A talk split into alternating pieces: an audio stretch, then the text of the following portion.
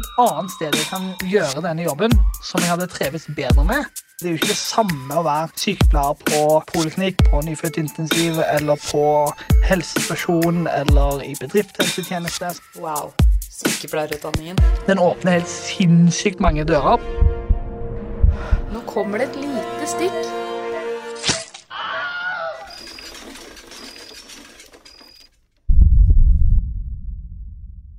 Velkommen til en ny episode av Hjelp, jeg er sykepleier. I dag skal vi ta en liten eh, hva heter det, recap Mm. ja, om hvordan helsebrølet gikk, og litt eh, om eh, hva veien videre er.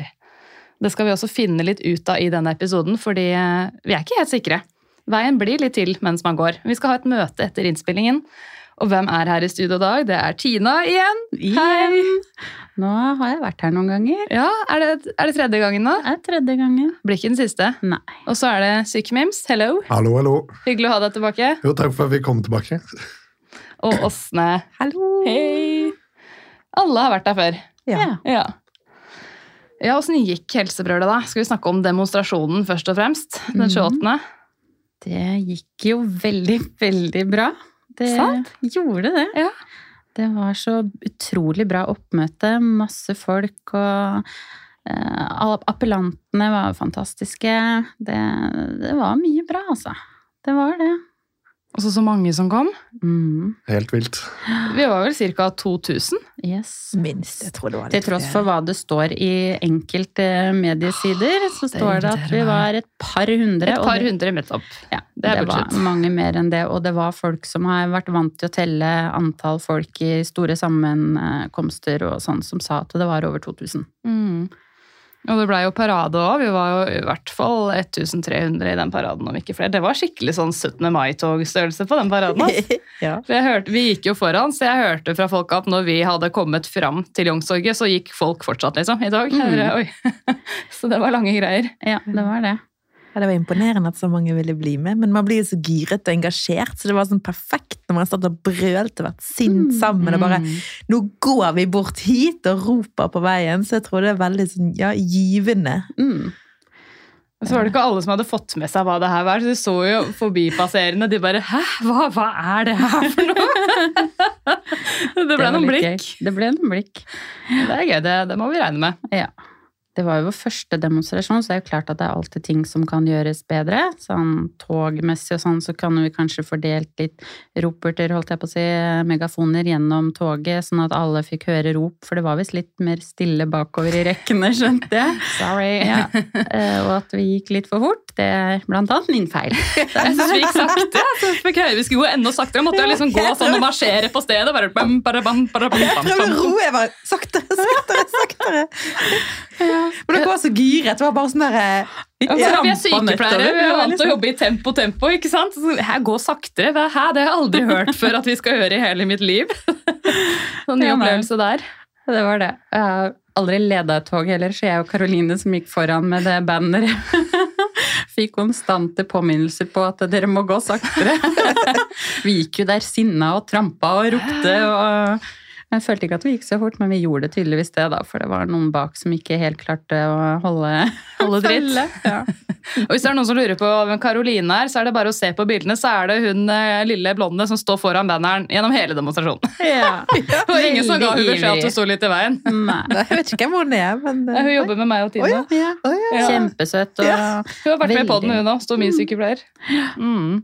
veldig støttende til helsebrølet. Fader Ulland, jeg var jo så sliten, så jeg holdt jo faktisk på å få en eh, breakdown før jeg skulle på scenen. Jeg bare, å nei, å nei, nå kommer tårene. Så jeg bare, Maria, gjør noe gøy, bare dans og tull. Så hun bare måtte stå og tulle og danse foran meg. Jeg bare, takk, da kan jeg utsette tårene litt uh, til. Uh, og hver gang jeg sier til noen at jeg holder på å begynne å gråte, å nei, herregud, hva har skjedd? Akkurat som det må være et dødsfall for at man skal gråte. Eh, Nei, altså det er halve livet. Men altså når man dag etter dag har gått på akkord med egen helse og utsatt uh, spising, søvn, dobesøk Jeg husker Mm. ikke hvor mange uker, egentlig. eh, Så blir man bitte litt grann sliten. Ja. Det var overraskende krevende. Altså, vi hadde jo en deadline. Så Ja. det er jo litt med det også, at da ting skulle gjøres og fikses før vi skulle ha demonstrasjonen. Så det er jo klart, når man ikke har organisert en demonstrasjon før, så vet man ikke helt akkurat hva som krever, kreves. Eh, og det var mye. Det var, jeg, var, jeg er fortsatt sliten, jeg føler jeg. Ikke helt klart å hente meg inn ennå. Ja, både du og jeg har jo hatt mye greier. Ja. Du holder jo på med ditt Ja, midt oppi hussalg og huskjøp og visninger og det som er, så det er klart å både bo litt i poser og esker og visninger og rydding sånn eh, hele tiden, egentlig, føles det som. Så Men du står i det, det skal du ha, Tina. Du fortjener medalje. Takk, takk. det, jeg er glad jeg var med. Til tross for at det har vært slitsomt, så hadde jeg ikke bytta det bort for alt i verden, for det her var stort, føler jeg. Ja, så hadde vi jo mange gode appellanter. Er det noen som husker i hodet, eller? Alle som var? Ja, jeg må faktisk ha en liten uh, jukselapp. For husker, Ja. vi, vi kjørte jo på med appellanter. Oh, vi yes. fikk jo så utrolig mye respons på folk som ville snakke. Så Mm. vi måtte jo være superstrenge og si nei til folk. Og likevel var det sånn vi klarte å få inn eh, jeg tror det var 16 Tror stykker til, til slutt. Og nesten alle jeg kjenner sånn sagt bare sånn Når vi så den listen, ble vi jo livredde for at vi skulle stå der i liksom to timer, for det var jo kaldt, sant. Mm. Men jammen meg med beinhard disiplin, så fikk vi, fikk vi det til. Ja. Yes. Det var Eh, vanskelig å planlegge, fordi som du sier, det var veldig mange forespørsler. Alle ville jo holde eh, appell. Det var jo en, en kamp om tiden. Pluss at det skulle være en demonstrasjon rett etter oss, en eh, Ukraina-foreningen. Eh, Så vi hadde jo en måte en deadline til deadlinen. Ja. Det hadde vi. Og når vi lagde den planen da, med to minutter, da, var det, da holdt vi det akkurat. Men folk eh, Brukte ville gjerne snakke med i to minutter. Og der hadde vi også sendt mail til folk at dette må du lese gjennom og godkjenne før du får lov til å holde appell. Vi lagde liksom regler, og da sto det bl.a. ikke noe vaksinemotstand og sånne ting. Ikke noe hets og trusler, folk godtok det. Men så sa vi også ikke mer enn to minutter. Ja. Ja da, ja da, sa folk, men, men nei da. Det tok tiden og bare sånn, ok, nå har det gått fire minutter, så prøvde jeg liksom til mange å gi beskjed litt sånn hei, hei, men det, det la dem ikke merke til, så da måtte Nei, jeg bare man- få ja. lyd på min mikk og bare takk, tusen takk, neste. Folk var jo så engasjert, vet du. Men det har vi fått litt tilbakemeldinger på, da, at vi skulle visst hatt et skilt da, hvor det sto 30 sekunder igjen. Ja. Så det, man kan ikke stole på at folk har øvd å ta tiden på seg selv hjemme. De må ha et skilt hvor det står tydelig 30 sekunder igjen. Det var jo noen som faktisk holdt tiden, og som var veldig flinke på akkurat det, og som tydelig hadde øvd. Ehm, Så er det vel de som kanskje eller de som kanskje ikke holdt tiden helt, var vel de som er faktisk vant til å stå foran folkemengder og tar det litt på sparket, og som ikke sto der med en lapp og leste opp. Det var jo de som gjerne prata litt lenger enn de to minuttene også. Superengasjerte. Men eh, vi kom oss gjennom til eh, fristen, holdt jeg på å si, da. Ja, vi gjorde det. Det var beinhardt eh, fra Helene som bare kjørte Mm. på. Med Mussolini, som står og er streng. Sikmims, du sto jo fra publikumslinjen og så på. Ja. Hvordan syns du appellantene gjorde det? Du har kanskje noen favoritter også? Ja, det Randi var vel min favoritt. Det er din queen. Bortsett fra at jeg brukte veldig lang tid. Hun var jo en av de jeg måtte mute. Ja. Så tenkte jeg jeg vil høre det her, men du må stoppe. Det, nei, men jeg er egentlig imponert over alle. Jeg var jo også, Siden jeg visste at det var to minutter, så sto jeg jo egentlig og svetta litt. Jeg òg. Hvordan skal man få stoppa de Engasjerte ja. At her har de mer å si, men vi har ikke tid til alle hvis det blir sånn. Men eh, ja, jeg ble imponert over hvor profesjonelt det var. Så har vi jo fått en liten, jeg skal ikke si beef, da, men eh, litt eh, Jeg kan en liten beef da, med politikere, fordi vi hadde jo en politikerappellant som kom ganske fort på listen, altså Bjørnar Moxnes, men det er fordi han sendte mail til oss og var veldig sånn Hei, kan jeg få lov til å holde appell? Mm. Og først så var vi litt sånn Ja, er det greit? Vi er jo politisk uavhengige, men samtidig, alt vi snakker om, er jo politikk. Så hvis en politiker vil engasjere seg i Helsebrødre, så er jo det bare kjempebra. Så vi sa jo ja til det, det er greit, men ikke bruk det som valgkamp for ditt eget parti. Ja, det var greit. Og så fikk jo andre vite det bare Å, fy faen, det er urettferdig at han er den eneste politikeren vi vil også! Hvorfor har dere ikke spurt oss?! Ja, vi har ikke spurt noen! Folket har kommet til oss! Ja. Det ble så barnslig. Jeg ble overrasket hvordan politikere tar sånn så personlig. Mm. Det Disse styrer landet. Og liksom Ja, og bare Men hvorfor har ikke dere spurt meg? Vi trodde vi skulle, bli, vi skulle lytte, og at det var dere skulle snakke. Ja, for da bare, ville ja, de ikke men- hvis de bare skulle lytte, men de ville hvis de skulle få stå og prate. Ja, altså det er så mange måter å støtte på. Altså vis engasjement, så er vi åpne, men liksom Men det er jo litt det, fordi dem på, eller noen av dem påsto jo det at vi spesifikt hadde sagt i mail at de ikke fikk delta, men at de kunne være med og se på. Og det er jo ikke tilfellet. Det er det, det vi aldri sagt. Da Må de lese mailen på nytt? Da må de lese mailen på nytt. Men når de da først ser en politiker De trodde jo sikkert ikke at dette her skulle bli så stort. ikke sant? Og når det først er én politiker i et annet parti enn dems parti, da blir det mer viktig å få sagt noe dem også, for at dem skal ikke stå utenfor og ikke få sagt hva de mener. For det, han får jo en fordel ved at han har vært i media og støttet Mm. oss og dette her. Men eh, eh, så det er nok eh, noen som satt og svetta litt på sidelinja og ble litt stressa for at ikke dems parti var på banen, tenker jeg. De Ja. kom litt sånn i siste liten, disse politikerne. Og så begynte de sånn Ja, men det er ikke vanlig å organisere en demonstrasjon sånn som dere har gjort. Vi er vant til å få invitasjoner. Sånn, ja, men okay. det er ikke den måten vi har gjort. Vi har bare startet med et veldig åpent sinn. Ok, vi skal ha en demo, og det er mulig for å holde appell. Og så rakk vi egentlig ikke å si så veldig mye mer før mailene bare strømte på. Mm. Og det var jo veldig mange gode appellanter som tok kontakt med oss. Og jeg syns vi har fått et ganske sånn bredt utvalg som representerer både pårørende og barn og unge og psykiatri og eldre. Og likevel så er det alltid en eller annen minoritetsgruppe som bare 'Hva med oss? Hvorfor er ikke vi prioritert?' Det er sånn, ja, men kjære dere, dette er ikke siste gangen Helsebrødre skal ha demonstrasjon. Dette er første gangen. Dette er på en måte bare starten. Og nå har det allerede vært en ny demonstrasjon som ikke vi har planlagt. Det var utenfor sykehuset i Telemark. Mhm, Dritkult. Det kom det på nyhetene, nyhetene, det òg. Men den brukte helsebrølet, hashtag helsebrølet, og det syns jeg var kult. Ja, for vi har ikke på en måte tatt patent på helsebrølet. Vi vil jo gjerne at det skal spre seg, så lenge alle alle. har det samme gode budskapet, at vi vil styrke og bevare offentlige helsetjenester. Så lenge det er det folk vil, så vær så god og bruk hashtag helsebrølet. Det setter vi Mm. veldig pris på. Absolutt.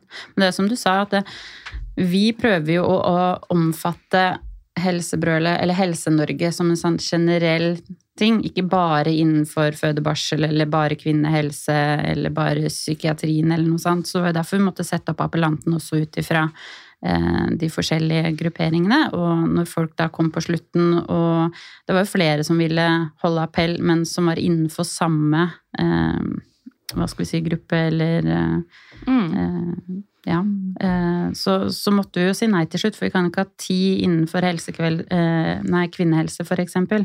Vi må jo Ja, for der var det mange ivrige som ville holde om kvinnehelse, og det er Og det er kjempebra. kjempebra. Eh, men igjen da, så måtte vi fordele litt og, og sånn, og så måtte vi si nei til noen. Og ikke fordi vi ikke hadde lyst til å ha dem med, men fordi vi ikke hadde plass, rett og slett. Eh, og når da politikere kommer til slutt på et allerede fullt program, så Mm. er jo klart at dem blir jo da Altså, de får rett og slett et nei, fordi at det ikke er plass. Var noen som ble sure for det også, mente at de ble holdt utenfor, men eh, det var jo ikke derfor. Det var rett og slett ikke tid, og mm. de kom for seint på banen.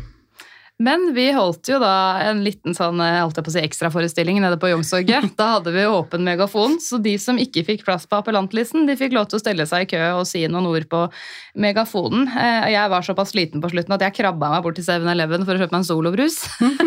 Måtte ha litt sukker.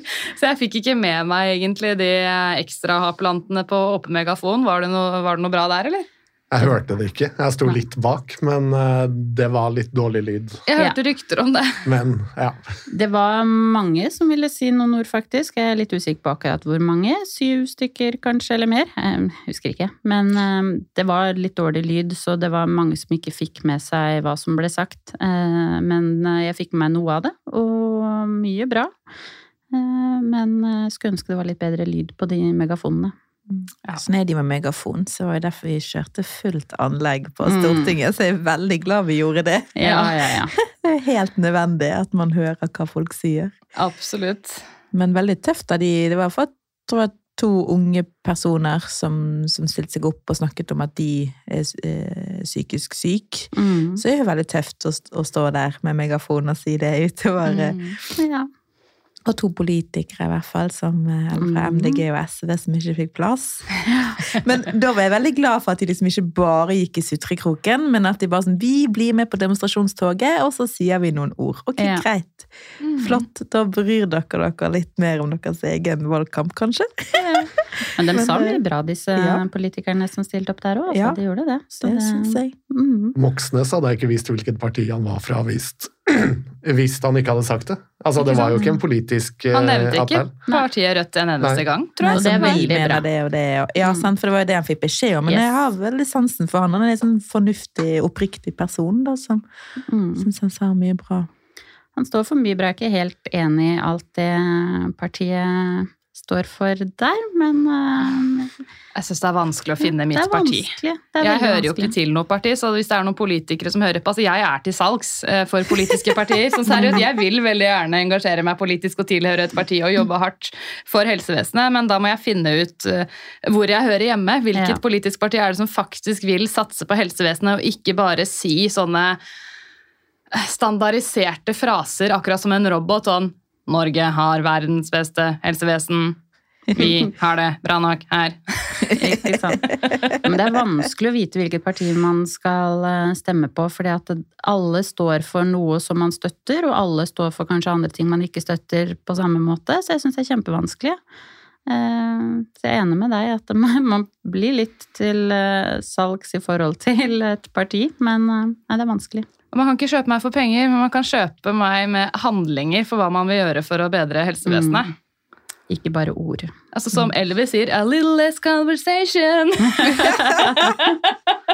a little more action. Ja. Jeg er enig med Elvis der. altså Jeg vet ikke om han sang om helsevesenet, men man kan jo late som. Men det var jo veldig mange andre som holdt bra appell, blant annet Kine Albrigtsen, eh, som er i hovedstyret. Syns det er en utrolig sterk eh, appell om det å være pasient. Veldig.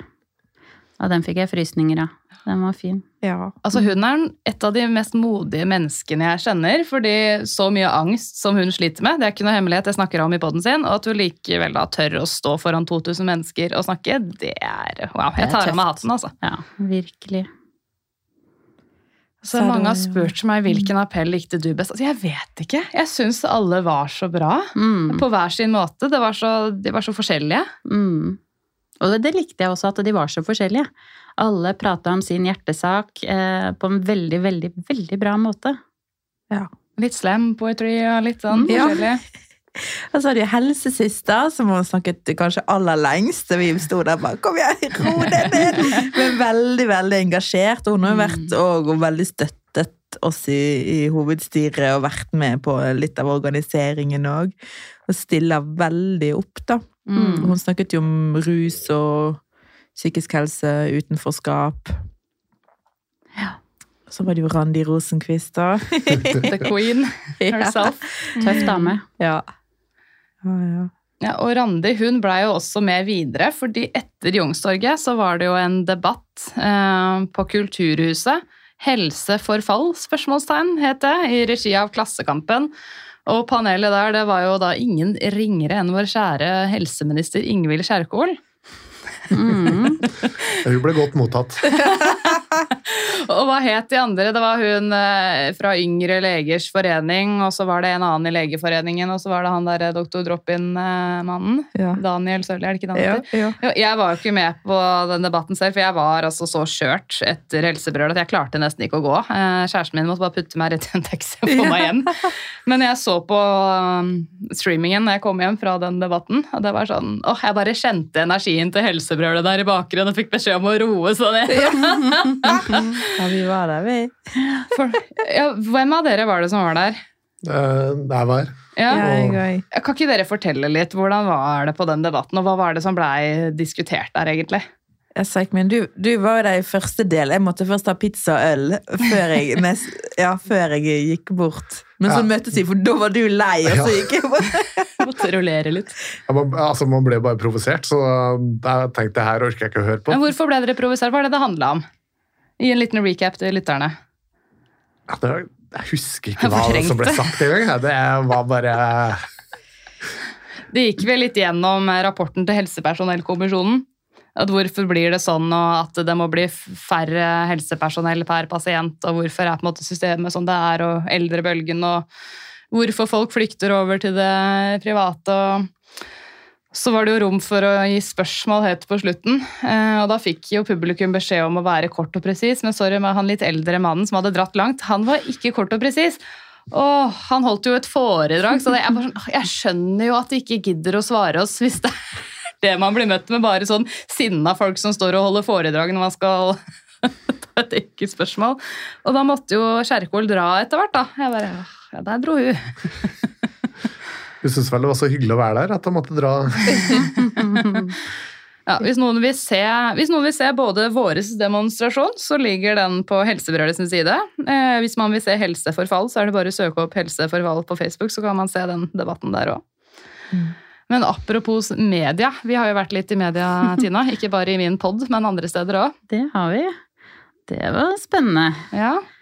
Starta en nyhetsmorgen for min del på NRK.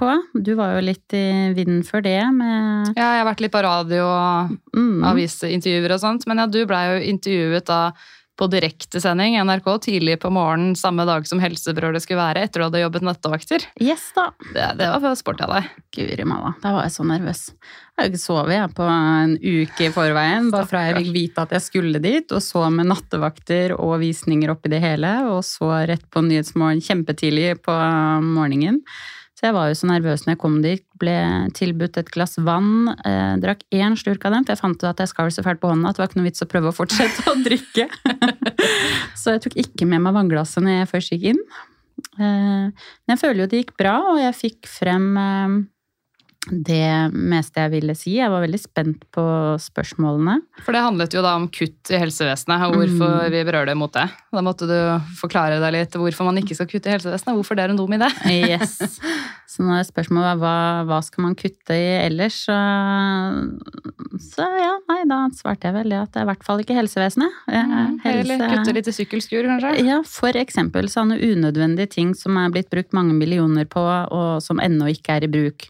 Follobanen og sykkelskur. Er det ikke sånn 36 mill. i arder det kosta? Jo, noe sånt. Det er i hvert fall enorme pengesummer. Så funker det ikke engang. Så jeg følte at for å sette det litt i perspektiv versus liksom helsekøer og hvor mye penger som faktisk eh, tapes på å la enda flere mennesker stå i kø. For jo lenger mennesker står i kø, hvor sykere blir de, og hvor mer penger til må, må til for å hjelpe de. Så det var liksom litt av det man kunne sagt i forhold til kutt. Det er jo mye mer, så det tar jo lang tid man skal, hvis man skal ramse opp alt, men Topplederlønninger. For eksempel. For Kutte noen sånne bullshit-stillinger i HR. Mm.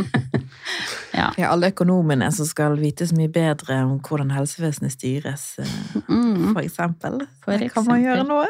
Men Sykmils, bare spørre deg, Ikke sove på en uke, jobbe netter og så gå rett på direktesending. Er det litt sånn det bare er et mirakel at hun ikke falt inn i psykose, eller? det skal vel heldigvis litt mer til, tror jeg, enn uh, bare at man uh, for noen kan man jo bli psykotisk av det. Ja, men ikke men, sove på en uke. Det ja, en ganske... uke er nok begynner å bli ganske farlig. Det. Ja. det var i hvert fall, Jeg fikk jo sove noe, ja. da, men det var snitt sånn fire-fem timer per natt. Det er jo ikke akkurat mye, og ingenting siste natta før jeg skulle på NRK. Det var jeg sliten. Ja. og så var det rett på helsebrølet etterpå, altså selve demonstrasjonen. Jeg satt jo bare litt apatisk nede i sentrum når jeg var ferdig, og skalv en times tid etter innspillingen. Og fikk masse meldinger og svarte på de, og kjøpte noen siste greier som vi skulle ha med opp til eh, demonstrasjonsplassen. Og så dro jeg og møtte dere. For du skulle jo egentlig hjem til meg for å sove litt, mm. eh, men du bare Nei, Helene, nå er du så sliten at du må være i fred, og jeg kan stikke og gjøre noe annet. For jeg hadde jo da, dumme meg, vært ute og drikke dagen før Helsebrølet sammen med helsebrorsan og helsesykepleier Maria og Trevor nurse Wenche. Yes. God oppladning, det. det var veldig hyggelig, da. Ja. Ja, nei, Du var sliten, jeg hørte det. Så jeg tenkte at da Jeg tror jeg hadde vært sliten selv om jeg ikke hadde dratt ut òg. Jeg tror ikke det hadde gjort så mye forskjell, egentlig. Nei. Sikkert ikke. Men da tenkte jeg var det greit at du fikk være litt i fred, og så kunne jeg sitte og summe meg litt eh, i sentrum til jeg skulle møte dere. Mm. Ja, og så har jeg vært på Debatten, da. Herregud. Ja, du var vel eh, sikkert minst like nervøs som jeg var, hvis ikke mer, si. Oh my god. Altså, Jeg trodde liksom at nå er helsebrødet ferdig, nå skal jeg slappe av litt eh, og puste litt. Og så har vi jo på en måte tulla litt og sånn, ja, ha, det blir vel debatten next, liksom. Men det skjer jo sikkert ikke. Og jeg vet jo folk har tagga meg på Instagram til Fredrik Solvang at eh, slutt å bare ha debatter om influensere og snus og hvit pose med pulver. Kan vi ikke snakke om noe litt viktigere, sånn som helsevesenet? Men han sletta jo den ene posten, og jeg bare nei, nei, drit i helsebrølet, liksom. Det er ikke så viktig, det handler bare om eh, fem millioner mennesker. Men så plutselig så jeg var på jobb i mottaket, så tikker det inn en melding. Hei, vi har noe som kanskje kan interessere deg, og det er å bli med på Debatten. Hilsen et navn. Og så NRK. Jeg bare what the fuck, nå må jeg på do. For det er alltid noe som skjer når jeg får sånne meldinger. Bare, nå må jeg på do. Og jeg hadde ikke tid til å svare med en gang, og så bare shit, shit, shit, hva skal jeg Ja, jeg, jeg kan jo ikke si nei. Jeg vil jo at helsebrølet skal opp og frem. Jeg kan ikke si nei til det her. Så sier jeg ja, og så holder de meg på pinebenken så jævlig lenge om jeg faktisk skal bli med eller ikke. Og jeg bare, ja, men jeg trenger å forberede meg mentalt. Vil dere ha meg med eller ikke? Og så skulle det handle om ikke helsevesenet i, sin helhet, det skulle handle om fødebarsel. Så ja, det er viktig det, men jeg er verken jordmor, gynekolog, politiker eller helsebyråkrat. Hva er det dere egentlig tenker at jeg skal stille opp med? Så skulle det også handle om finansiering.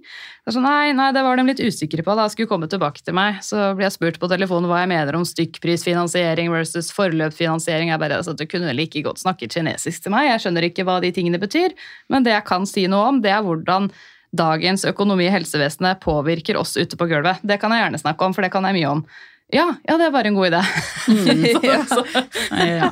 Ta det litt ned på jorden, litt som ja, vanlig så vi ble enige om at jeg skulle stille opp og være folkets stemme, da, for å snakke om hvordan det påvirker oss helsepersonell, men også pasienter og pårørende, men sånn finansieringen er nå. Eh, Mm. Å gud, jeg var så nervøs. Og jeg fikk et lite breakdown på jobb. Jeg gikk inn på et pasientrom, og jeg var selvfølgelig alene. da. Jeg gråt noen tårer, måtte bare få ut litt. Fikk god støtte av lederne på jobb, veldig glad for det. Jeg snakket litt med medieansvarlig, fordi jeg holdt på å få litt sånn munnkurv fra OS, sånn ikke snakk noe negativt om arbeidsplassen. Jeg bare, men kan ikke være ærlig? Jeg snakket med medieansvarlig, jo da, jeg kan egentlig si hva jeg vil, så lenge jeg på en måte bare oppfører meg. Så jeg, men er det noen som helst sjanse for at jeg kan få sparken hvis jeg sier noe feil? Nei, nei, det går ikke an. Fjo, ja, men fint. så fikk jeg jo ikke noe spørsmål om hva jeg syns om egen arbeidsplass, eller noe sånt, for det er jo ikke det helsebrølet handler om. Det handler jo ikke om OS. Helsebrølet handler jo om hele helsevesenet. Mm. Og hvis noen lurer på hvordan det gikk på debatten, så kan man bare gå på nrk.no slash tv og se på debatten der. Mm. Jeg snakket jo rett fra hjertet, for jeg hadde jo skrevet masse notater ikke sant, om på en måte dette som skjer nå med eh, kvinnehelse. ikke sant, At man må vente ett til to år før man får eh, hjelp for eh, vaginaprolaps og analprolaps etter fødsel, mens svenske kvinner blir bare kjørt inn med en buss og får kirurgi på Aleris i Norge på den svenske statsregningen. Det er ganske mye sånn urettferdige ting som skjer. Så spurte jeg jo disse debattenfolka kan jeg ha med notater inn. Nei, ikke gjør det, det ser så uprofesjonelt ut. Ok, da lot jeg være. Jeg hadde ikke med noen ting. Alle andre hadde med notater. disse politikerne som har så innarbeida svar fra før. Jeg skjønner ikke hva de trenger Ja, notater det, står, til. det er bare å trykke på en knapp, Ja. repeat, liksom. Vi har verdens beste. Så det jeg sa, det, det fant jeg ut sånn typ to minutter rett før jeg gikk inn. Bare, ok, jeg får si det, da. Eh, noe av det var, kom bare helt spontant der og da, så jeg syns jeg klarte meg relativt greit til å ikke ha med notater og noen ting. Absolutt. Det gjorde du. Men måten jeg ble møtt på, altså, det var jo gaslighting, holdt jeg på å si. Det var jo akkurat som jeg ikke var i rommet. Med en gang jeg hadde snakket fra hjertet om hvorfor vi brøler og eh, pasienthistorier, og så var det rett over til hun Meyer fra Kvinnehelseutvalget. Så bare ja, og tilbake til sykehusfinansiering og geriatrien. Jeg bare, hva faen, hørte du ikke et ord av hva jeg sa? Og til og med Fredrik Solholm var hei, hei, nå må noen svare, Helene. Nå må noen Mm. svare på kritikken til helsebrølet. Ja. ja, Fredrik var veldig flink, sant? som i hvert fall prøvde å få fokuset på deg og helsebrølet og det du hadde å si. da. Det var Mhm. bare noen av de andre der som enten eh, bare overkjørte helt, eller bare rett og slett unngikk å svare på akkurat det du sa og stilte spørsmål om. Men det har hele Norge spørsmålet. reagert på. Så om Mm. de overser meg, så har ikke resten av Norge oversett meg. Jeg har fått så Nettopp. mange fine meldinger. Og så Ja. stilte jeg jo liksom boom! Spørsmålet på slutten. Jeg bare ja.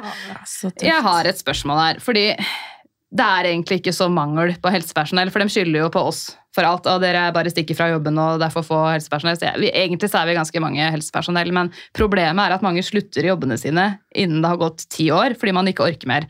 Så jeg lurer på, kjære politikere, hvordan har dere tenkt å beholde, ikke bare utdanne nye, men beholde helsepersonell i jobbene sine når så mange stikker? «Øh, Det er litt vanskelig å svare på når det er fem sekunder igjen! Mm. Så er det ferdig. Det var dårlig timing. Det var dårlig timing. Ja. Jeg tror jeg hadde klart å svare på det på fem sekunder. Hun kunne svart noe, i hvert fall. Skal jeg prøve å svare på det på fem sekunder? Høyere bemanning, bedre kompetanseheving, bedre lønn. Ja, Ja. Det var fem sekunder, og Ja. det var tre viktige ting. Det var tre viktige ting. Ja. Men det er det som er problemet, de vil jo ikke gi noe mer penger. Vi tenker, det, det, det, det sa jo òg Kjerkol på den debatten på Kulturhuset. For Da kom det jo òg et lignende spørsmål fra en sykepleier, og hun ba ja, men det kan gjøres uten penger. Ja. Kan det det? Mm. Vi kan jo få seriøst. pizza. Trist. Litt dyrt. Twist er billigere. Og det blir jo folk kjempeglade for. Og Ja. yes, den her uka òg. Samme. Men Twistens blir vi jo sponsa med fra pasienter, så det trenger vi ikke akkurat veldig mye betaling. fra pasienter. Får mye mer fra pasienter. Yes. Jo. Men det som alltid har fascinert meg, da, den sier liksom og det er mangel på helsepersonell, og uff a meg, og det er ikke nok helsepersonell. Ehm, men hvis det er snakk om å friste folk med litt penger Nei, nei, dere er altfor mange. Altfor mange har ikke råd. Har ikke råd. Da er vi for mange, ikke sant? Ja, nei. eh, Litt eh, paradoks det der, altså, på Ja. mange måter. Det Mm. kan man si. Ja. Men det virka jo som om, eh, til tross for at eh, den posten din ble sletta og sånn, så virka det jo som ikke Fredrik eh, ikke var imot helsebrøl eller noe. Det virka jo som om han faktisk satte seg inn i hva det var, og at han var litt interessert, da. Ja, og det, er en ting, det var ikke posten Virkelig. min som var sletta. Han sletta sin egen post fordi kommentarfeltet hadde gått ad undas. Og da var det mange som sendte melding 'Hvorfor sletta du det?' Er det pga. kommentaren til bare, eh, det var ikke akkurat det. Og det snakket jeg med han om. Det var, det kommet veldig mye hets mot en spesiell person. En offentlig person, som da ikke er meg. Jeg er ikke veldig offentlig, eller nå begynner jeg å bli, kanskje. men Ja. en av de med sånn typ 200 000 følgere på Instagram da, hadde fått veldig mye hets i kommentarfeltet. Eh, Kvinne, selvfølgelig. Det er alltid kvinner som får hets, så derfor slettet han det. Ja. Så det var ikke fordi han ikke støttet eh, det vi sto for, eller at han var imot helsebrøl eller noe, bare så det er sagt, da. Ja, for jeg spurte han jo hvem sin idé var det å invitere meg til debatten. Ja, det var min idé. Ok, hvor, hvor fikk du den ideen fra? Nei, jeg har blitt tagga sikkert 100 ganger på Instagram og fått masse meldinger. Ok, det var vår feil! Så takk, folkens. Det, det hjelper å mase. Det gjør det. Men så sa han nå i forrige debatten at det, hvis det er noen som har forslag til debatten, så er det veldig lett. Bare gå inn på nrk.no slash debatten og sende inn der. Jeg bare, «Å, var det sånn hint? Alle trenger ikke å tagge Fredrik Solvang på Instagram. Men, Ja. eh, ja, det er Vi, makt vi i sto på det noen dager Oh, da vi først fikk ideen. Bare sånn eh, Ja. Ja, men jeg trodde ikke det. påvisningskraft har man, da? trodde ikke det faktisk kom til å funke. Jeg bare, Oi, helvete, nå må jeg faktisk på debatten! Det er noe med det, jeg tenkte jo det samme sånn i forhold til nyhetsmorgen og sånn. Ikke vært, har jeg vært på nyhetene før, jeg tror ikke jeg har vært noe særlig på TV i det hele tatt, men det er sånn når de spurte meg, så bare sånn, faen, jeg kan jo ikke si nei. Nei, Altså, vi prøver jo å få dette her ut i media, og jeg har valgt å være en offentlig person, og jeg har valgt å gjøre dette her, så å si Ja. nei nå, det kan jeg ikke gjøre. Mm. Eh, Men eh, det gikk jo bra da, Helene. Både, jeg følte både du og jeg fikk frem poeng, og jeg fikk jo prata med både NRK, TV 2, eh, Kla nei, jo Klassekampen tidligere, da, men eh, også fikk jeg jo prata med Journalen og eh, en eller annen radiokanal. eh, Radio Nova? Radio Nova. Ja, for det var de ja. som var i intervjuet av deg og Kine på Ja. demonstrasjonen. Mm. De var kjempesøte og veldig flinke og veldig bra spørsmål. Unge jenter. Det var, det var litt artig, syns jeg. Så jeg føler vi har fått, fått ut en del i media da, i forhold til helsebrølet. Ja, det har egentlig Absolutt. kommet ganske mye, for det er mange som skriver i kommentarfeltene 'Å, hvor er media?' Det er ikke skrevet noen ting, men det, det har faktisk det. Mm, det har det. Ja. Både live og nyhetssendinger og Radio. radio og Ja, creds til NRK Vestfold og Telemark. De Ja, har intervjua meg to ganger. Vestfold! Og Jarlsberg Avis. Jarlsberg Avis. Og lokalavisen til Holmestrand. Det er skrevet om meg og helsebrølet tre ganger. Ja. Forsiden har jeg fått, og fikk så melding Hei, det er den mest leste nettartikkelen vi har nå. Jeg bare åh! Skikkelig hyggelig. Og mormor, vet du, min mormor på 86 år bor i Holmestrand, hun blir stoppa på gata og bare 'Å, så fint barnebarn du har!' Ja. Å, så det er hyggelig. jeg syns dere er kjempetøffe, Helene og Tina. Altså, det er sånn, jeg har så lyst til å ville tørre å gå i media og si Vi kan sette oss som mediekontakt neste gang. Åsne. Må få litt trening. For det er noe man, man føler jo som man kan ikke si nei, man har så lyst, men så blir man òg litt nervøs når man ikke kan det, på en måte. Yep. Så det at dere bare stålsetter dere og ja, har blitt noen klart å Red gjøre Bulls. det. Det Jeg skjønner ikke hvorfor vi driver og drikker Red Bull for å roe oss ned. Det. Kommer dere til meg på akutten med atrieflimmer etter hvert, men det skal gå bra. det. Ja, men det har jeg tenkt på, herregud, stakkars hjertet mitt. Og jeg har lest om kvinnehelse, mye kvinnehelse i det siste, og hjertehelse på kvinner. At man, det er flere og flere yngre kvinner nå som får hjerteinfarkt, ikke pga. tette blodårer, men pga. stress. At man har andre symptomer. Jeg bare, å herregud, jeg holder på å drepe meg selv. Har noen en metoprolol? Jeg trenger betablokker. Ja. Nei, uff.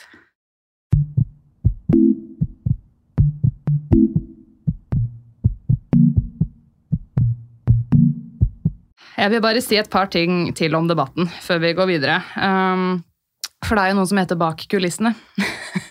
Mm. Jeg har jo snakket med panelet ja, bak eh, kulissene. Han derre Carl Christian Bekeng, han ga meg en klem.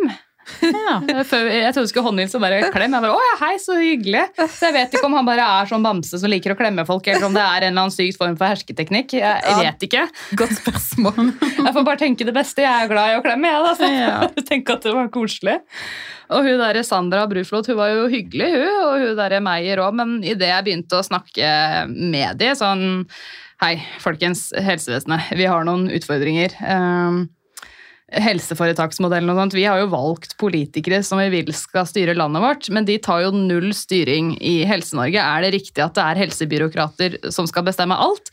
Ja, ja, men vi kan jo ikke nok om det, så ja, det er riktig. Det hadde jo bare blitt tull hvis vi skulle gått inn der og sagt noe. Så nei, men hadde det blitt så tulla? Og hvorfor kan ikke politikere, helseforetakslederne, snakke sammen med Mm, oss sykepleiere på gulvet og pasienter og pårørende?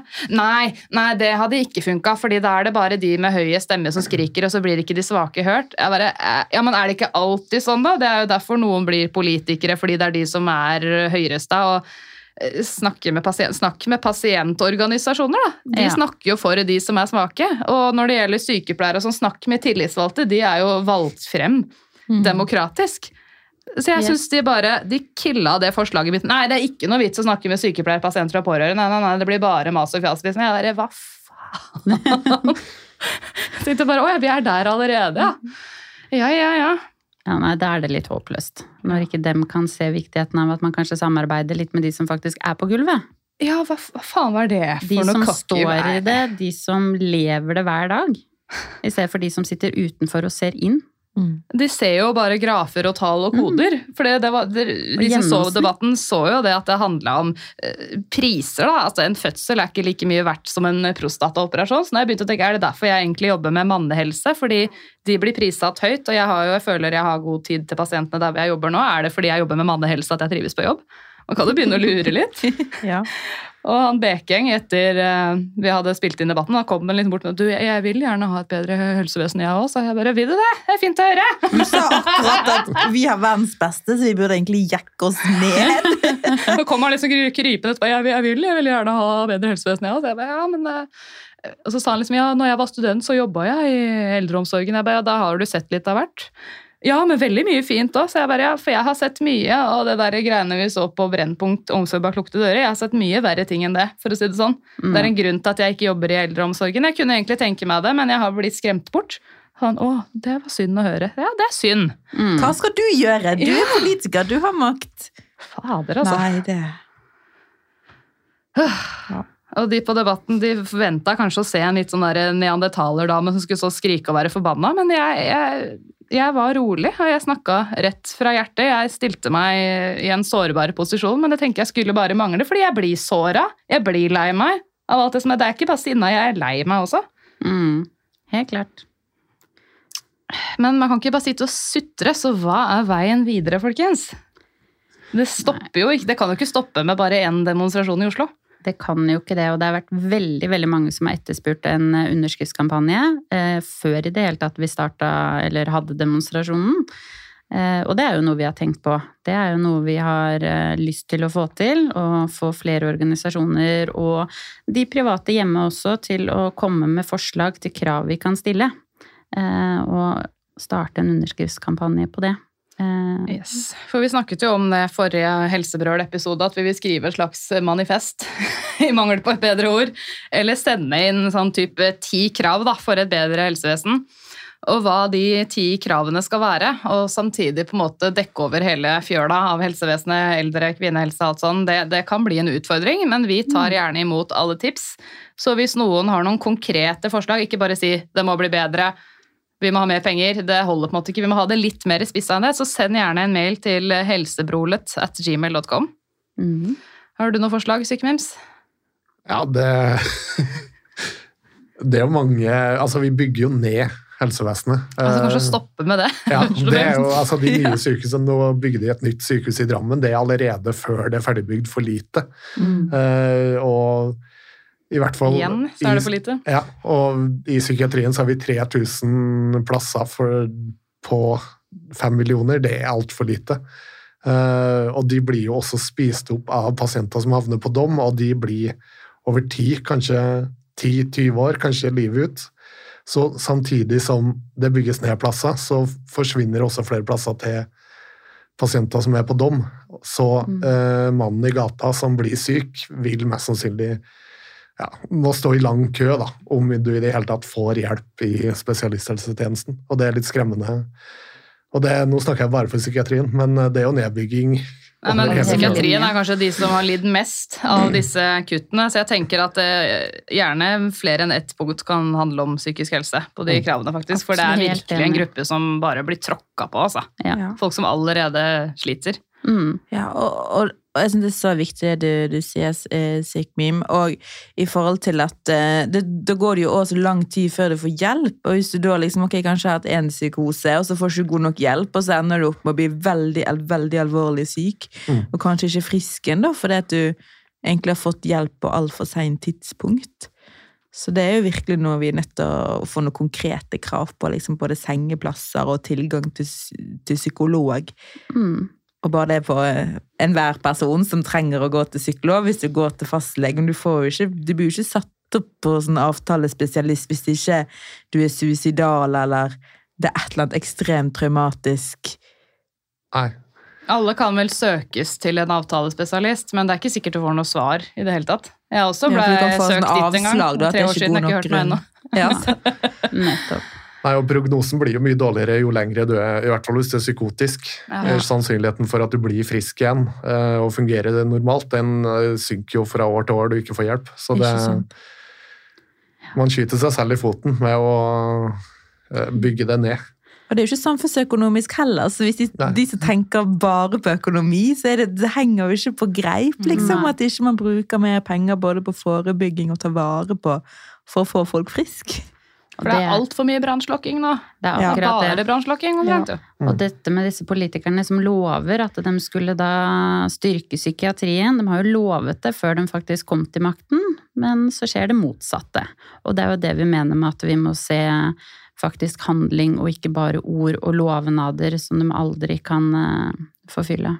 Så tenker jeg at Alt trenger ikke å utredes igjen og igjen og igjen. Vi trenger handling. Mm. Vi vet jo hva problemene er. Problemene er for få plasser, for få fagfolk, for lite kompetanse enkelte steder. Altså det er også generelt vanskelig å få hjelp. Det er et byråkrati uten like, i hvert fall i psykiatrien i det offentlige. Det er så mye skjemaer som skal fylles ut både for pasientene, men også for behandlere. Så mye skjemaer fordi de skal måles og veies på alt de gjør. Det lukter New Public Management lang vei. Mm.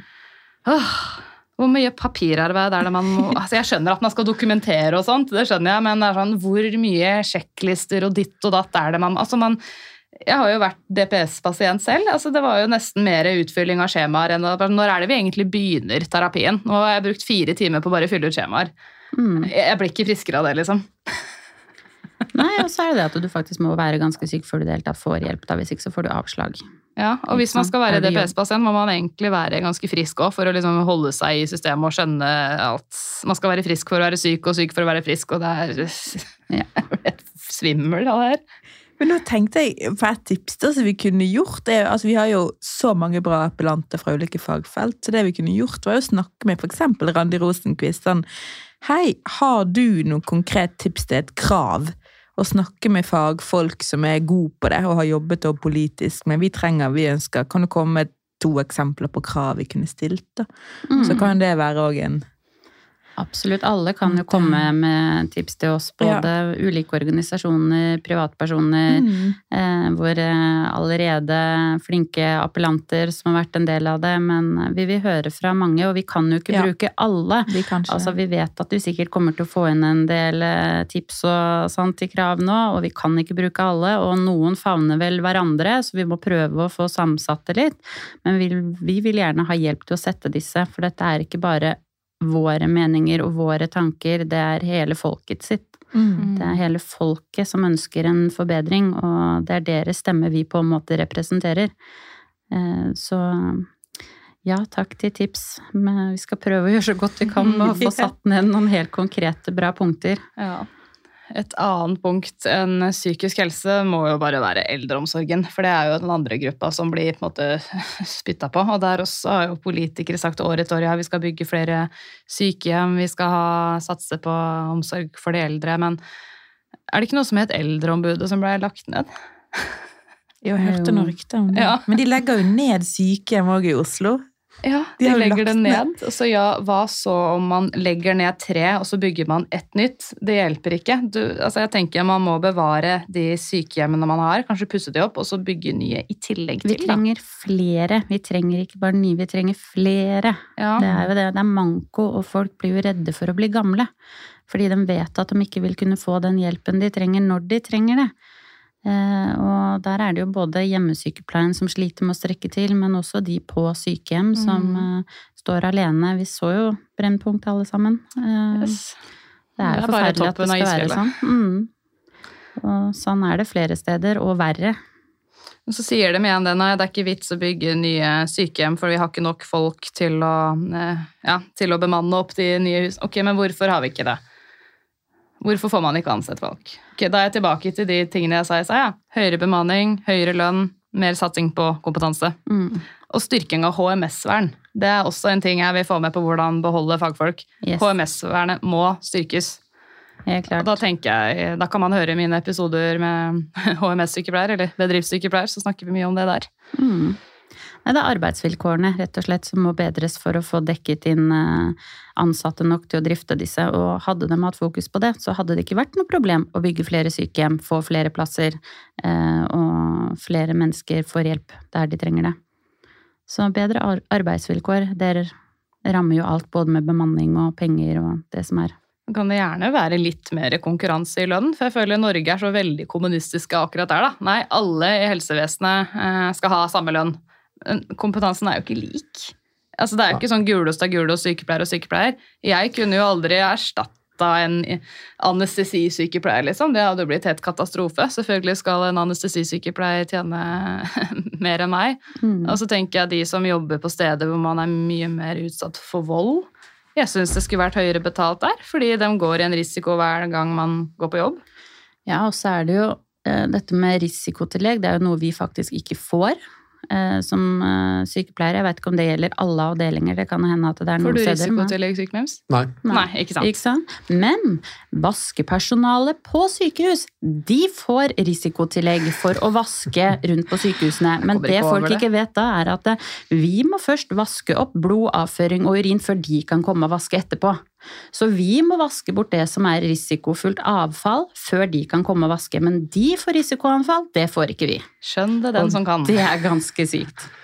Og så er det jo litt Det må jo lønne seg å jobbe i helsevesenet. Eh, Sånn som det er nå, så skal du bo i Oslo, så har du ikke råd til å kjøpe deg 1 leilighet. av boligene. 1 er jo ingenting, og det er ganske mange helsepersonell som kriger om den ene prosenten.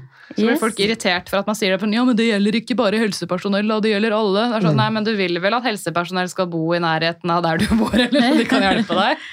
Ja, jeg er jo nå 36 år, og først nå har jeg hatt muligheten til å kjøpe meg inn på markedet. Jeg er leid i alle år, og det er ene og alene fordi jeg har blitt sammen en eh, kjæreste som eh, allerede eide bolig, og som hadde litt egenkapital, for det har ikke jeg hatt sjanse til å spare opp med de leieprisen leieprisene som er i Oslo.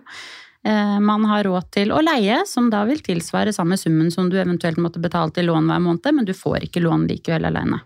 Ikke sant? For dette med at vi vil ha høyere lønn, det handler ikke om at vi bare skal dra på sånn luksusturer og kose oss og manikyr og pedikyr. Altså, Dere husker jo sikkert nå dagen før jeg skulle i debatten, jeg spurte dere kan jeg være så snill å låne 50 kroner, jeg er så sulten. altså, Så stusslig kan det være, altså. Så takk. Sykvim Såsne, som vippsa meg penger, og fikk dere til pølse. Skulle bare mangle. Må ha mat. Jeg vippsa dere tilbake, så. det Så det er ikke det at vi krever å bli millionærer. Det er ingen som tenkte at nå skal jeg bli millionær og sykepleier, men at man har råd til et sted å bo og råd til å betale regninger og kjøpe seg mat. Altså, er Ja. det så mye å kreve? Egentlig ikke. Altså, nå måtte jeg ut av byen, og ganske langt ut av byen, for å kunne få kjøpt meg noe. Mm. Jeg må da også kjøre til jobb, fordi at med kollektiv så ville jeg brukt en og en halv time i hvert fall på å komme meg til jobb. Og så må jeg betale for parkering utenfor sykehuset der jeg faktisk jobber. Som da er nesten 600 kroner i måneden.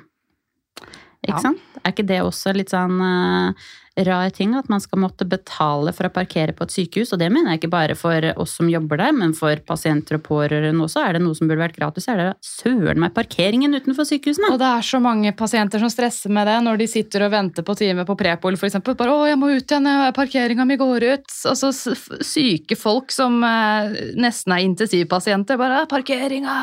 eh, Siste ord man sier før siste åndedrag, Ja. ikke sant? Nei. Åh. Men det burde jo vært en sånn løsning. Jeg skjønner jo at hvis det hadde vært helt gratis eller ikke noe markering på noe slutt, så ville alle parkert der uten som, utenfor som kanskje ikke skal på sykehuset. Men da burde man kunne gått inn på sykehuset, vist eh, en lapp om her, jeg skal til en time, få registrert bilen sin, sånn at man ser at den faktisk er registrert der for å eh, få slags hjelp, en time, poliklinisk time, eller om det er operasjon, eller hva det måtte være. Eh, Noen fastlegekontorer har det. Når man parkerer, så går man inn, så er det sånn pad, så registrerer man bare der. Og så får man stå der så og så mange timer, så kan man bare oppdatere hvis man er der lenger. Så Når SATS klarer det, burde søren meg helsevesenet klart det. Så kjære helsepersonellkommisjon, vi er ikke imot eh, bruk av teknologi. Bare snakk med oss. Vi har noen forslag her. Dere vil ha effektivt system. Vi har svaret, vi. Ja. Og alle sånne journalsystem og sånn, ikke, det gjør det ikke lettere. Man ser jo den helseplattformen i Helseplattformen! Oh Trondheim. God. den, eh, den fungerer jo ikke helt optimalt. Er det ikke nå 16 000 brev som ikke har kommet fram? 16 000 viktige sykehusinnkallelser har ikke kommet fram pga. Helseplattformen. Det var et ekstremt høyt tall, i hvert fall. Og det, og det var jo ikke billig, det der heller. Så man skulle jo tro at det fungerte når det kosta 3,7 milliarder kroner. Oh my Mm. God. Ja, nei, det er ikke alt som fungerer, dem, eh, men eh, de skal ha for at de prøver innimellom å få til noen smarte systemer, da. Eh, Det er ikke alltid det går like bra. Nå er det jo foreslått en god pengesum til fastlegeordninga, og det kan jo høres bra ut, det, men så sier jo noen av disse kjendisfastlegene at det hjelper det pasientene om fastlegene tjener mer penger? Eller hadde det hjulpet pasientene om det hadde vært flere fastleger, at man ikke hadde så sykt mange pasienter per fastlege? Om kanskje ikke fastlegene trenger å gjøre alt mulig kontorarbeid i tillegg til alt annet man har? En kombinasjon av begge. Altså, jeg skjønner Ja. jo det at en eh, fastlege også altså, Det skal være attraktivt å jobbe, men eh, igjen, da, altså, de vil jo fortsatt kunne li bli like utbrente og få hjerteinfarkt og sånn som denne fastlegen, Mm. eh, selv om de får mye penger. Mm. Altså, det går jo ikke på det, men det er noe med det at arbeidsmengden og antall pasienter per lege eh, er for høy. Så hadde man da hatt muligheten til flere fastlegekontor og kanskje et lite lønnstilskudd som da får flere fastleger ut i yrket, så hadde det kanskje hjulpet eh, en del. En kombinasjon. Ja, jeg tenker en kombinasjon, liksom de, de tre kravene du stilte, Helene. Bare det første man tenker på. Ok, det er jo lønn selvfølgelig, men også bemanning, og derav også belastning, og så er det Mm. kompetanseheving, Mm. da. Eh, Så man trenger jo alle de tingene. Mm. Og det er der vi trenger hjelp. Hvordan skal vi på en måte få det inn konkrete krav da, som vi stiller? Lønn, bemanning, kompetanse, HMS. Altså Det er de fire jeg kommer til å svare heretter. Hvis jeg får spørsmålet 'Hva mener du skal til det?' Har du noe forslag? Ja, det har jeg. Mm. Masse forslag, jeg. Ja. Ja. Og jeg syns det òg er, er veldig det er spennende å jobbe med system, og det er jo derfor den debatten nå handlet om finansiering. Sant? På grunn av at liksom helseforetaksmodellen, som da er en form for New Public Management, er så komplisert og innviklet med det DRG og IGF Nei, jeg husker ikke hva det het, men det er en av de, i hvert fall diagnoserelatert krypering. Sant? At alt har en prislapp, og så får det noe avdelingene tjener på, mens noe de tjener ikke på. Sant? Så sier Eh, Kjerkol er at vi har ikke noen noe New det. Public Nei, Management det her. har vi ikke. Så er det ikke meninga å disse Nei, men det, det, var, det var akkurat sånn. Ja, ikke sant? Og vi er ikke fra samme sted, så Nei, ok, det ok, greit. Er. Samme som meg og Erna. Jeg bare, nei, nei, nei, Nei, vi nei, er nei, fra forskjellige steder, så det går bra. Men ja, så jeg liksom, å prøve å finne et eller annet liksom, kritikk til hele den finansieringsmodellen. Og bare, jeg har ikke svar på hva som er bedre, men vi må i hvert fall prøve å utarbeide det, eller være kritisk til den modellen og finne noe som fungerer bedre. Ja. Og sånn som jordmoren sa i debatten, var jo sånn Ja, men når en fødsel koster 16 000, så er det sånn Ja, det koster det i forhold til kan, eh, normal fødsel, i forhold til liksom utgifter, da, for alt er jo det koster jo for utstyr og Ja, er spesialpersonell hvis det er keisersnitt. Da må man jo ha en gynekolog som er kirurg, så trenger man eh, operasjonssykepleier, kanskje anestesi. Jeg skjønner at det koster mer, men det skal liksom ikke være sånn at da snitter vi opp flest mulig livmorer da, for å tjene Ja, Men det er jo det som er skummelt med hele det systemet, for da blir det jo mer lønnsomt at ting går galt. Ja.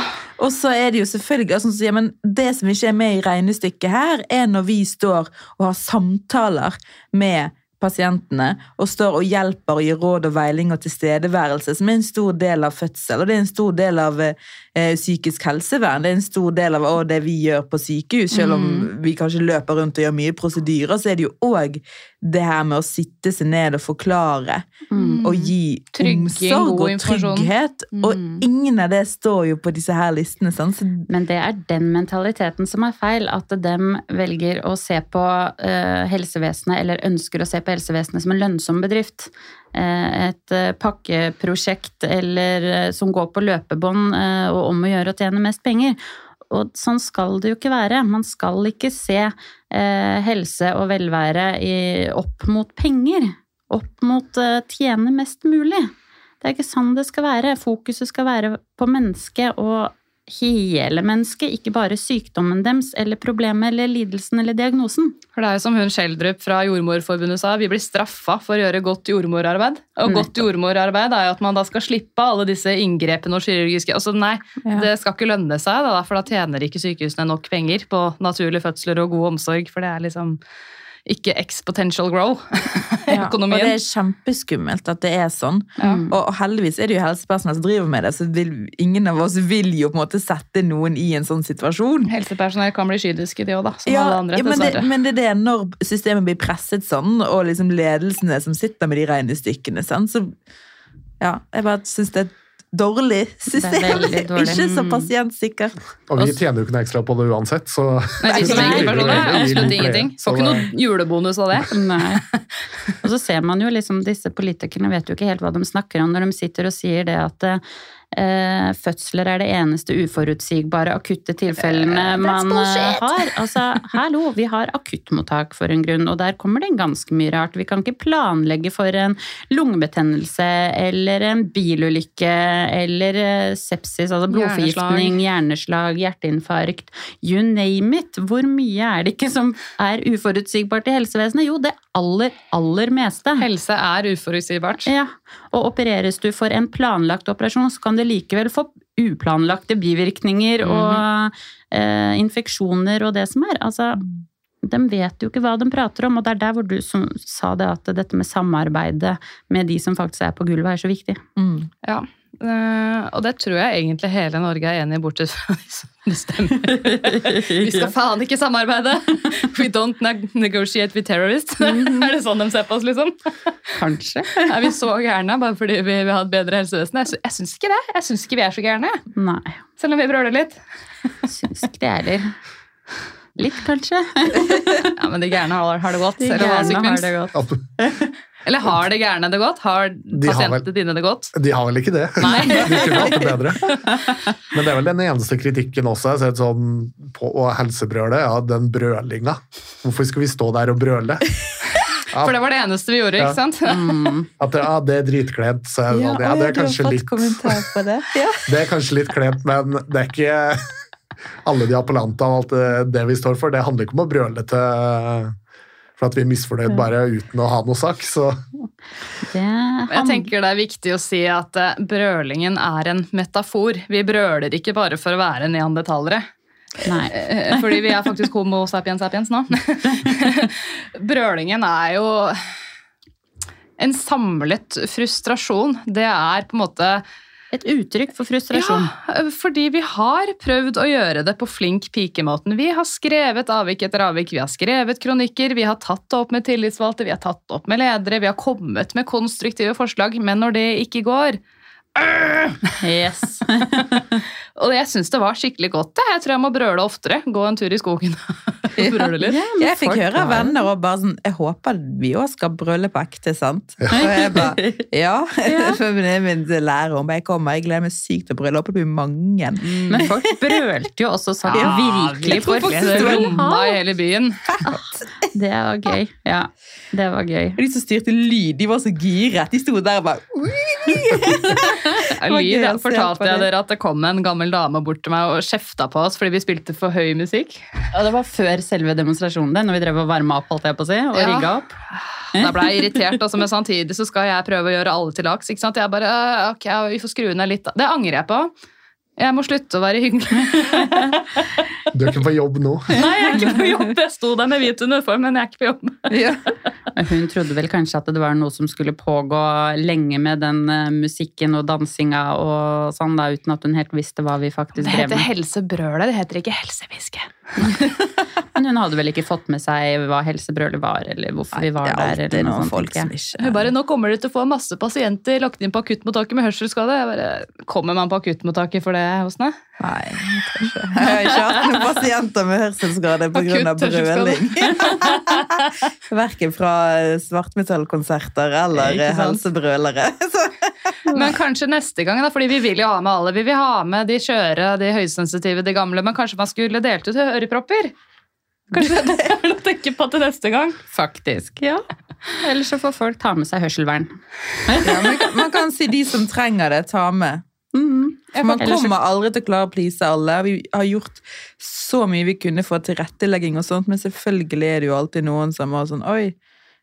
Jeg fikk Ja. høre òg Jeg syns toget gikk for fort fordi noen hadde astma og, og kols, så det skjønner jeg. Ja, vi har lyst Ja, vi gikk litt fort, men, men Ja. ja. så, altså, vi prøver så godt vi kan, men Dette var jo vår første demonstrasjon, og vi har jo lært masse av det. Og det er jo litt også derfor vi vil sette opp en uh, litt sånn Et eh, ekspertutvalg. Ja, nei, jeg tenkte mer på noe for å hjelpe andre til å holde demonstrasjoner i senere tid. At vi får satt opp en litt sånn mal. Dette er hva man skal gjøre for å gå frem for å danne eller organisere en demonstrasjon. Fordi det er mye man skal tenke på, og man skal be om tillatelser for det ene og det andre. Både politiet og brannvesenet og grunneier, kommunene. Det tar tid å få svar. Yes, så det er veldig greit for dem som ønsker å organisere videre, som vi også oppfordrer folk til å gjøre. Demonstrere, eh, demonstrere videre og bruke helse, eh, helsebrølet eh, til å få en forandring andre steder i landet også. Så vi vil sette opp da konkrete tips, en mal. Ja. Hvordan gå frem for å organisere en demonstrasjon. Og ikke drive med sivil ulydighet, det kan vi ikke stå for. Nei, det vi kan står ikke vi for stå det. Nei. Nei, ikke i helsebrølet sitt nå, Da får man gjøre det under noen andre sitt navn. Yes. Jeg tenkte jeg bare skulle bruke anledningen til å takke Helene Svabø fra podkasten Femihelse. For det er faktisk hun som har delt denne oppskriften med oss helt sånn fra børjan av. Fordi Femihelse har jo hatt flere demonstrasjoner sammen med barselopprøret. er det heter? Barselopprøret? Jeg sier alltid barselbrølet, Barselbrølet, jo, men det er en bok som heter Barselbrølet, så det er veldig lett Ja, er å blande barselopprøret, eh, helsebrølet og barselbrølet. Det er litt ja, sånn Vi brøler sammen. og- Vi brøler sammen. Men her, jeg har jo denne lista her som Helene Ja. sendte oss. Vi kan jo godt skrive den om og gjøre den lettere, fordi vi har tenkt til å dele dette dokumentet til alle som vil ha det. For det er jo ikke sånn at det er et hemmeligstempla dokument at det er veldig hemmelig hvordan man lager en demonstrasjon, for det er egentlig ikke så eh, stress. Det blir jo litt det du gjør det til, men jeg kan jo lese opp litt her. eh, noen punkter hvis noen vil høre. Først og fremst eh, bli enige om dato og tid. Book Eidsvoll plass her. Så det hvis man vil ha demonstrasjonen utenfor Eidsvoll plass på Stortinget, så må man faktisk gå på stortinget.no, så må man sjekke kalenderen når det er ledig, booke seg inn, sende forespørsel og vente på svar. Mm. For det er jo da Stortinget som er grunneier for Eidsvoll plass. Da. Det samme hvis man skal være utenfor rådhuset i sin kommune, så må man søke tillatelse sikkert til rådhuset som er grunneier. da. Så må man jo bli enig med hverandre om navn på demonstrasjonen, litt slagord. Eh, ha det litt sånn tydelig for seg hva er det vi demonstrerer mot, hva er det vi vil. Det er jo fordel å bli enige om. Mm. Ja, man kan lage seg et design, sånn som vi har gjort. Eh, Det var jo også en liten kamp for å bli enig. Det er en historie for seg selv. Eh, Ja, ta et pressebilde, står det. Lurt å ha svar klart fordi man fort kan bli kontaktet av media. Da er det greit å være enige om hva man skal svare på spørsmål. Hva vil dere oppnå, osv., osv. Eh, Så er det jo finansiering. Eh, Skal man ha lyd, lys, scene, fotograf, det koster penger, så da kan man eh, sette opp en spleis, sånn som vi gjorde. Så det er jo litt eh, Og det planlegging der. anbefales jo i forhold til lydkvalitet. Så er det Ja. liksom, hvis det er én ting man skal bruke penger på, så er det jo nesten lyd. Så Helt kan det hende noen har en onkel i rockeband, eller noen har noe bekjentskap som man kan få det her gratis. Det er bare kjempefint hvis man får fiksa det selv, men hvis ikke så er det money talks, Mm. rett og slett. Og der kan vi anbefale de vi brukte også i forhold til eh, Arne Propell. Arne Propell, ja. Det er bra folk med bra Oslo. anlegg i Oslo. Jeg vet ikke hvor langt utenfor Oslo han drar, men eh, skal man holde Oslo omegn, så anbefaler vi Arne Propell. Yes. Og så er det jo streaming, da, hvis man vil ha det. Det kan jo koste litt penger, eller så må man få noe man kjenner til å filme det og legge det ut gratis. Altså, bruk de bekjentskapene man har, tenker jeg, men det kan være lurt å ha et budsjett på forhånd. Sette opp et Excel-ark, samle kvitteringer, alt sånn er lurt å gjøre. Og at man setter opp noen som er kontaktpersoner til media, er greit, så man ikke plutselig bare Oi, shit, hvem skal svare TV 2 nå? Mm. Eh, Så fikk vi også tips om å samle noen venner til å gå med gule vester. I hvert fall hvis det blir en stor demonstrasjon, bare for å passe på liksom, er det noe rart som skjer. Si fra til politiet. Og det bør man jo gjøre uansett. Hvis man planlegger en stor tog, søk tillatelse til politiet, så sier de ofte nei, dere må søke grunneier. Så sier grunneier nei, dere må søke politiet. så bare søk alle tillatelser dere kan få. Samle på svar på e-post i tilfelle de kommer til dette på hvor er din bekreftelse, så kan du vise det det er her. Ja, ok, da har de ikke noe For de aller fleste får jo lov til å holde en demonstrasjon. Bare si han får lov, liksom. Hvorfor skal ikke helsebrølet få lov? det er stor ytringsfrihet eh, her, her til lands. Nei, skal vi si oss ferdig, eller? Ja. ja. Prata mye, det går så fort. Nå har vi vel holdt på over en time alt, tror jeg. Ja. Det går så fort. Det er så mye man vil si. Det er mye man vil si. Så skal vi ha møte etterpå. Jeg føler vi har begynt møte i poden. Ja. Er det noen som vil skyte inn noe her helt på tampen? Jeg ønsker i hvert fall å takke alle som eh, møtte opp. Eh, alle som har støttet oss, alle som har bidratt. Eh, appellanter, design. eh, Vi har eh, hatt eh, flotte henvendelser fra både privatpersoner og fra organisasjoner. Folk som har gått ut og støttet oss i media. Kjæresten til Helene Philip. Han har hjulpet oss mye og satt sammen eh, film og lyd og ja, nei, han har bidratt med hjemmet sitt for oss eh, til Ja, møter. vi har hatt møter og verksted hadde vi oss på balkongen min. Ja. Vi koste oss, da. ja. I seks timer mens Philip var på jobb. så Ja, det Stakkars han var- hjemmekontor ennå. Ja. Og vi hørte på høy musikk og stiftepistolen kting, kting. Og takk til han der, hva het han? Filipe? Han som hjalp oss på Hvor var det vi var på? Byggmaker? Nei, hva Ja, het det? vi var?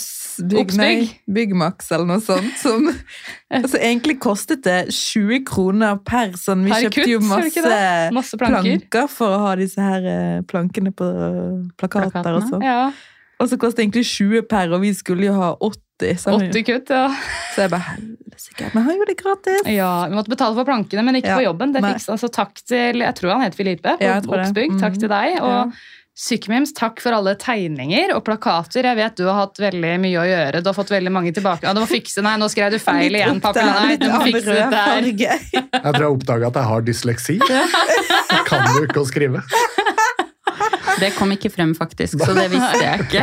Og du har veldig god tålmodighet. For jeg har vært Ja, det- nei, nei, nei, nei, nei. Nå, nå må vi slutte å be om endringer. For at jeg hadde, det hadde meg, hadde klikket for meg. Jeg Klarere litt, rødfarve der. jeg prøvde litt i sånn, men jeg synes det er gøy, og jeg vil liksom kunne det, men det klikker for meg. Det er sånn, jeg kaster dataen veggimellom, og så har jeg bare tenkt sånn, ja, nei, det er imponerende. Jeg har funnet at det er ikke en karriere jeg skal gå inn i. Kanskje hvis du bare får konkrete bestillinger og ikke sånn gruppechat. Eh, litt mer sånn, eh, nå glemte du det der, glemte en bokstav der. ja, det, det kan bli mange meninger. Ja, det er det. Ja. Så har vi jo også prøvd å samarbeide med andre tegnere, og det har ikke alltid vært like lett. Eh, så Sånn er det, vi mennesker er forskjellige. Og så er det jo noen eh, som hjalp oss litt mer før, så bare Nei, nå orker jeg ikke mer, her ble det så mye mas i denne gruppechatten, så her stikker jeg. Så ja, ok, er det flere som skal stikke, så bare si det nå! For jeg, fordi det er en akilleshæl jeg har. Jeg er ikke så veldig god på avvisninger. Eh, Jeg, jeg blir lei meg. Eh, lang historie i barndommen osv. Jeg trenger ikke å ta det nå. Men jeg er ikke så veldig glad av folk som plutselig bare stikker. da. Folk man trodde skulle stille opp. Og så, Nå refererer jeg ikke til en spesifikk person her. Det her er bare sånn generelt folk som man trodde man kunne regne med, da, som bare Nei, ha det. Ja, og det var jo før demonstrasjonen, skal det sies at det ikke gjelder de som har vært i eh, komiteen og sånn. De har jo stilt opp hele veien. Ja, ja, Så det er ikke de jeg tenker på, det er bare visse andre Yes. mennesker. Yes.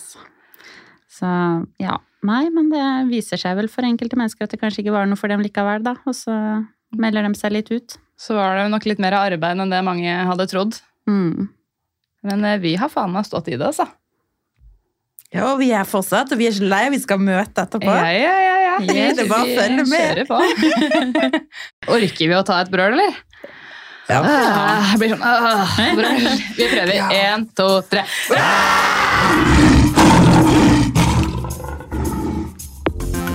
Det var siste episode av sesong tre, det.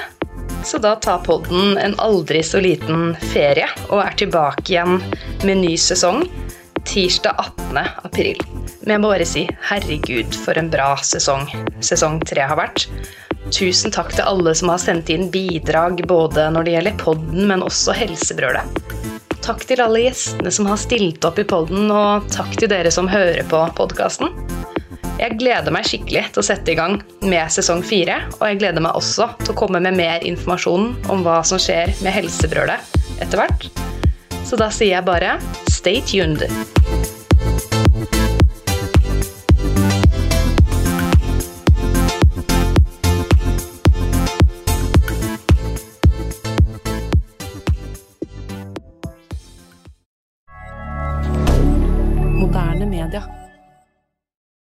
Har du et enkeltpersonforetak eller en liten bedrift? Da er du sikkert lei av å høre meg snakke om hvor enkelt det er med kvitteringer og bilag i fiken, så vi eh, gir oss her, vi. Fordi vi liker enkelt. Fiken superenkelt regnskap.